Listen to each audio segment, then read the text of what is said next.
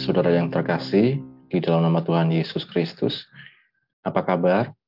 Puji nama Tuhan, pada sore hari ini kita dapat kembali bersama-sama uh, secara online akan mengikuti PA, pendalaman Alkitab hari Kamis.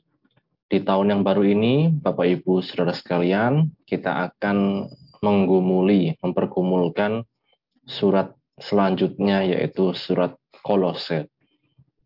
Pada kali ini kita akan melihat secara singkat, ya kalau saya katakan selayang pandang, surat kolose itu seperti apa, tujuannya apa, kemudian kolose itu nama apa, kita akan melihat nanti bersama-sama.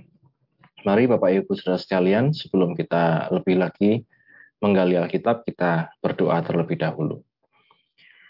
Bapak kami bersyukur untuk kesempatan yang kau beri pada sore hari ini. Kami akan belajar dari firman-Mu. Secara khusus Tuhan, tahun ini kami akan menggumuli surat kolose. Engkau yang menolong setiap kehidupan kami, dari awal kami belajar sampai di akhir nanti, biarlah Engkau yang menguatkan kami untuk terus setia Tuhan dalam mempelajari firman-Mu. Ya Roh Kudus, kami tidak mampu tanpa bimbinganmu, dan mampukan kami untuk mengerti memahami, terlebih untuk melakukan firman-Mu dalam kehidupan kami. Kami bersyukur Bapa, di dalam nama Tuhan Yesus kami berdoa, haleluya, amin. Di nama Tuhan, Bapak Ibu saudara sekalian, kalau di tahun yang lalu kita sudah belajar dari surat Filipi, dan di tahun sebelumnya kita belajar dari surat Efesus, maka saat ini di tahun ini kita akan belajar bersama-sama menggumuli dari surat Kolose. Kita akan melihat Bapak Ibu, saudara sekalian, mengapa surat ini penting bagi kehidupan orang percaya. Itu sebabnya juga surat ini termasuk dalam satu surat yang uh, dimasukkan dalam susunan Alkitab secara sejarah Bapak Ibu Saudara sekalian banyak sekali surat-surat yang dipertimbangkan untuk masuk dalam Alkitab, penyusunan Alkitab atau kanonisasi. Tapi kita melihat ada banyak juga surat-surat itu yang ternyata tidak sesuai dengan apa yang disampaikan oleh Tuhan Yesus, tidak sesuai dengan apa yang menjadi tujuan dari firman Tuhan. Sebabnya di Alkitab kita hanya terdapat 66 kitab. 39 di Perjanjian Lama, 27 di Perjanjian Baru. Surat Kolose secara sejarah dipercaya itu ditulis oleh Rasul Paulus. Dan ini menjadi surat yang uh, tidak terlalu banyak pasalnya, tetapi memuat berbagai macam hal yang menjadi inti dari kekristenan. Mari sama-sama kita buka terlebih dahulu Kolose pasal 1. Kolose 1 ayat 1 dan 2, demikian bunyi firman Tuhan. Dari Paulus, Rasul Kristus Yesus oleh kehendak Allah, dan Timotius, saudara kita. Kepada saudara-saudara yang kudus dan yang percaya dalam Kristus di Kolose. Kasih karunia dan damai sejahtera dari Allah Bapa kita menyertai kamu. Amin. Berbahagia setiap kita yang baca, mendengar, dan yang melakukan firman Tuhan. Kita melihat di sini, Bapak Ibu, Saudara sekalian, ada dua nama yang disebutkan, yaitu Paulus dan Timotius. Dari Paulus, Rasul Kristus Yesus oleh kehendak Allah, dan Timotius, saudara kita. Kepada saudara-saudara yang kudus dan yang percaya dalam Kristus di Kolose, kasih karunia dan damai sejahtera dari Allah Bapa kita menyertai kamu. Ada Paulus dan juga Timotius yang membantu dalam penulisan surat ini. Bapak Ibu, saudara sekalian, dari sini kita mengerti bahwa Kolose ini adalah nama tempat. Nama tempat. Kalau di Alkitab kita melihat kitab-kitab itu bisa mengacu pada nama orang, bisa mengacu pada nama tempat. Matius, Markus, Lukas, dan lain-lain itu nama orang. Tapi surat-surat Paulus kita melihat dia adalah menggunakan nama-nama tempat kebanyakan. Galatia, Efesus, Filipi, Kolose, ya. Dan ini Bapak Ibu sudah sekalian uh, merupakan satu perhatian Paulus kepada jemaat di Kolose. Jemaat itu bisa ada oleh karena pertolongan Tuhan. Bapak Ibu sudah sekalian, kalau sebagai alat bantu, kita melihat dalam pendahuluan Kolose, bahwa kita bisa melihat Bapak Ibu dalam sumber-sumber yang ada, baik itu secara tertulis, baik itu secara online. Kalau saya melihat di sini yaitu dalam situs alkitab.sabda.org ya. Kita melihat latar belakang dari surat Kolose ini. Penulisnya Paulus dikatakan. Tema utama yaitu keunggulan Kristus atau keutamaan Kristus. Tanggal penulisan sekitar 62 tahun Masehi. Kota Kolose terletak di dekat Laodikia, di bagian barat daya Asia Kecil kira-kira 60 meter tepat di sebelah timur kota Efesus. Jadi uh, cukup uh, berdekatan dengan kota Efesus. Anggaknya jemaat Kolose telah didirikan sebagai tiga sebagai akibat tiga tahun pelayanan yang dilakukan oleh Paulus di Efesus di kisah Rasul 20 ayat 31. Pengaruh pelayanannya begitu luar biasa dan luas jangkauannya, sehingga semua penduduk Asia mendengar firman Tuhan, baik orang Yahudi maupun orang Yunani. Paulus kemungkinan tidak pernah mengunjungi Kolose, tapi ia tetap memelihara hubungannya dengan gereja itu melalui Epaphras, seorang yang bertobat di bawah pelayanannya dan rekan kerjanya dari Kolose. Alasan untuk menulis surat ini adalah munculnya ajaran palsu yang mengancam masa depan rohani jemaat Kolose. Ketika Epaphras, seorang pemimpin dalam gereja Kolose, dan boleh jadi pendirinya mengadakan perjalanan untuk mengunjungi Paulus dan memberitahukan tentang situasi di Kolose, Kolose Paulus menanggapinya dengan menulis surat ini. Pada waktu itu ia berada dalam tahanan. Mungkin sambil menantikan naik bandingnya kepada kaisar. Rekan Paulus, Tikikus sendiri membawa surat ini ke Kolose atas nama Paulus. Sifat yang tepat dari ajaran palsu yang terdapat di Kolose ini tidak diuraikan dengan jelas dalam surat ini karena para pembaca mula-mula sudah memahaminya dengan baik. Akan tetapi dari berbagai pernyataan Paulus yang menentang ajaran palsu itu, nyata bahwa bidat yang hendak meruntuhkan dan menggantikan Yesus Kristus sebagai inti kepercayaan Kristen adalah satu campuran yang aneh yang terdiri atas ajaran Kristen, tradisi-tradisi Yahudi tertentu di luar Alkitab, dan filsafat kafir serupa dengan campuran kultus dewasa ini. Ya, ini pendahuluan garis besarnya Bapak Ibu Saudara sekalian.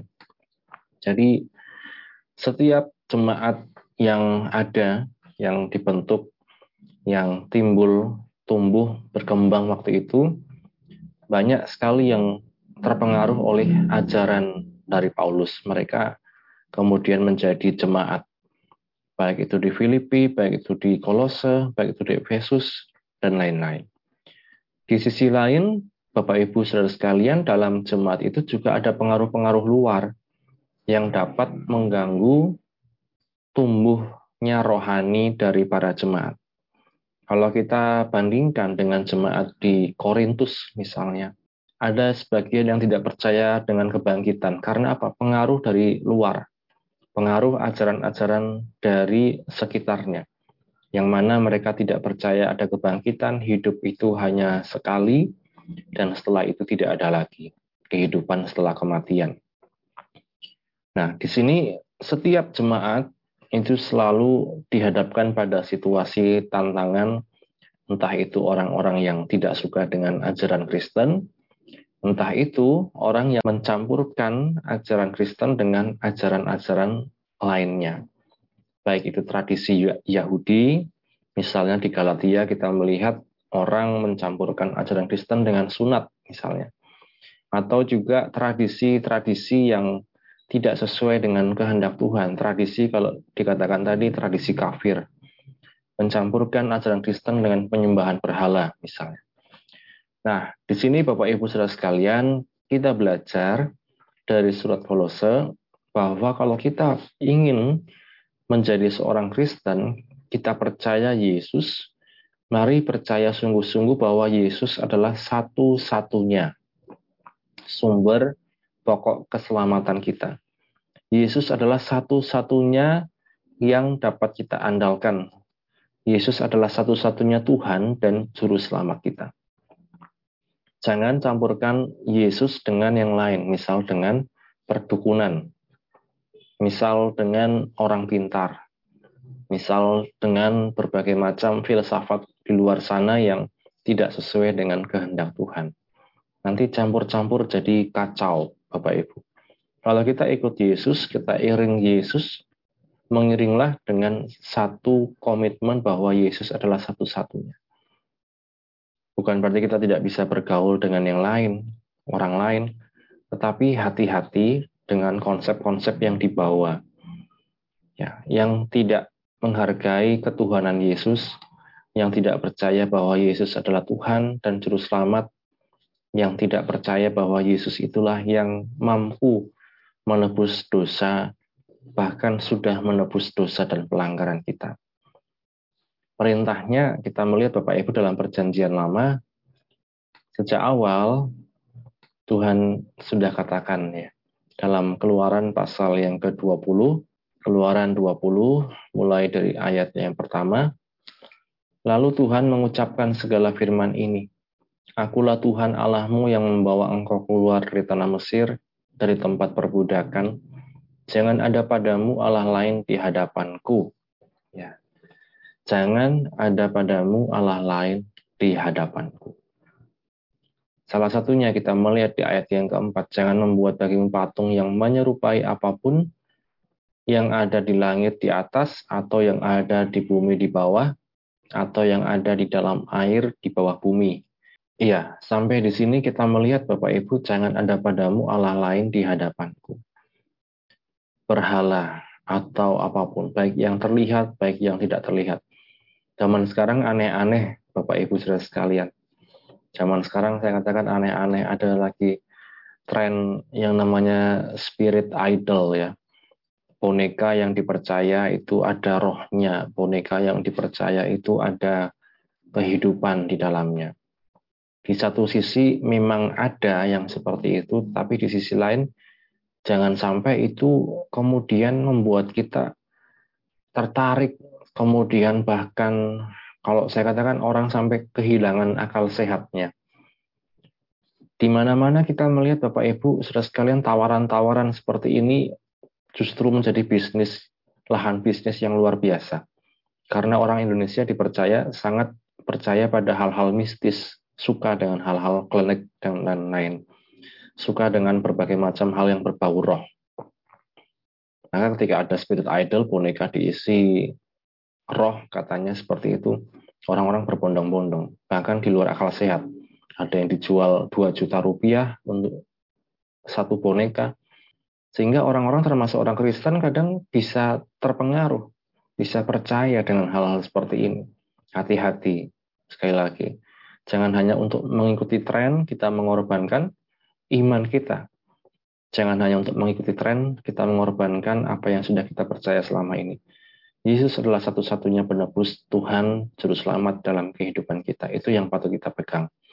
Dan inilah Bapak Ibu saudara sekalian selayang pandang atau overview atau sedikit sekilas tentang surat kolose.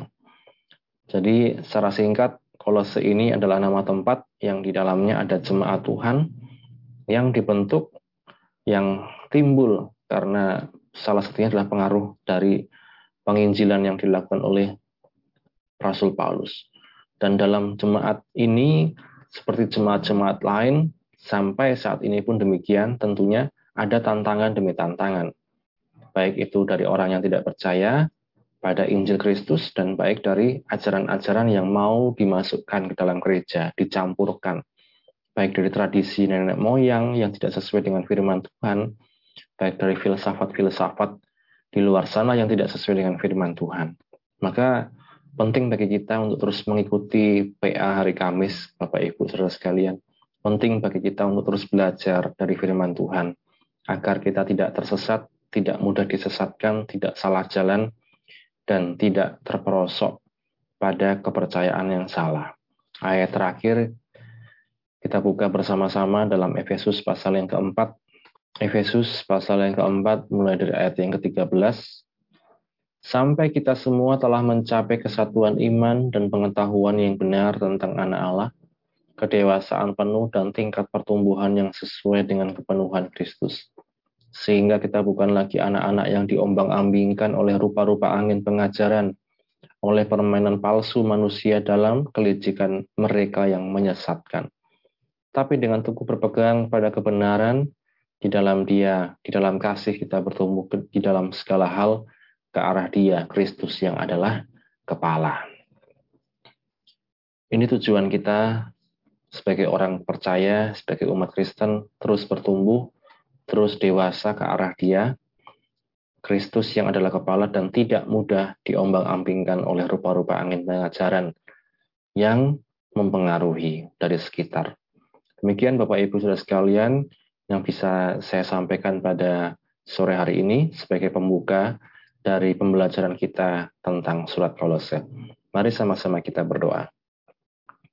Bapak kami bersyukur untuk kesempatan yang kau beri pada kami di sore hari ini. Sungguh kasihmu, sungguh anugerahmu yang memampukan kami sampai Tuhan di tahun yang baru ini, dan kami dapat membuka lembaran baru dalam pembelajaran Alkitab ini Tuhan. Tolong kami Tuhan, berikan kami kerinduan untuk belajar firman-Mu. Berikan kami rasa cinta dan haus akan firman-Mu. Untuk kami terus bertumbuh ke arah Engkau yang adalah kepala dalam kehidupan kami. Tolong setiap anak-anakmu Tuhan yang sudah mengikuti Tuhan, acara ini, PA ini Tuhan, di mana pun berada.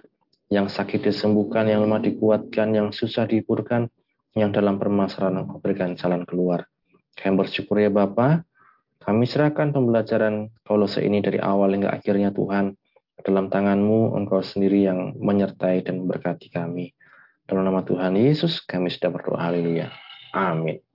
Puji nama Tuhan, Bapak Ibu Saudara sekalian, Tuhan memberkati. Amin.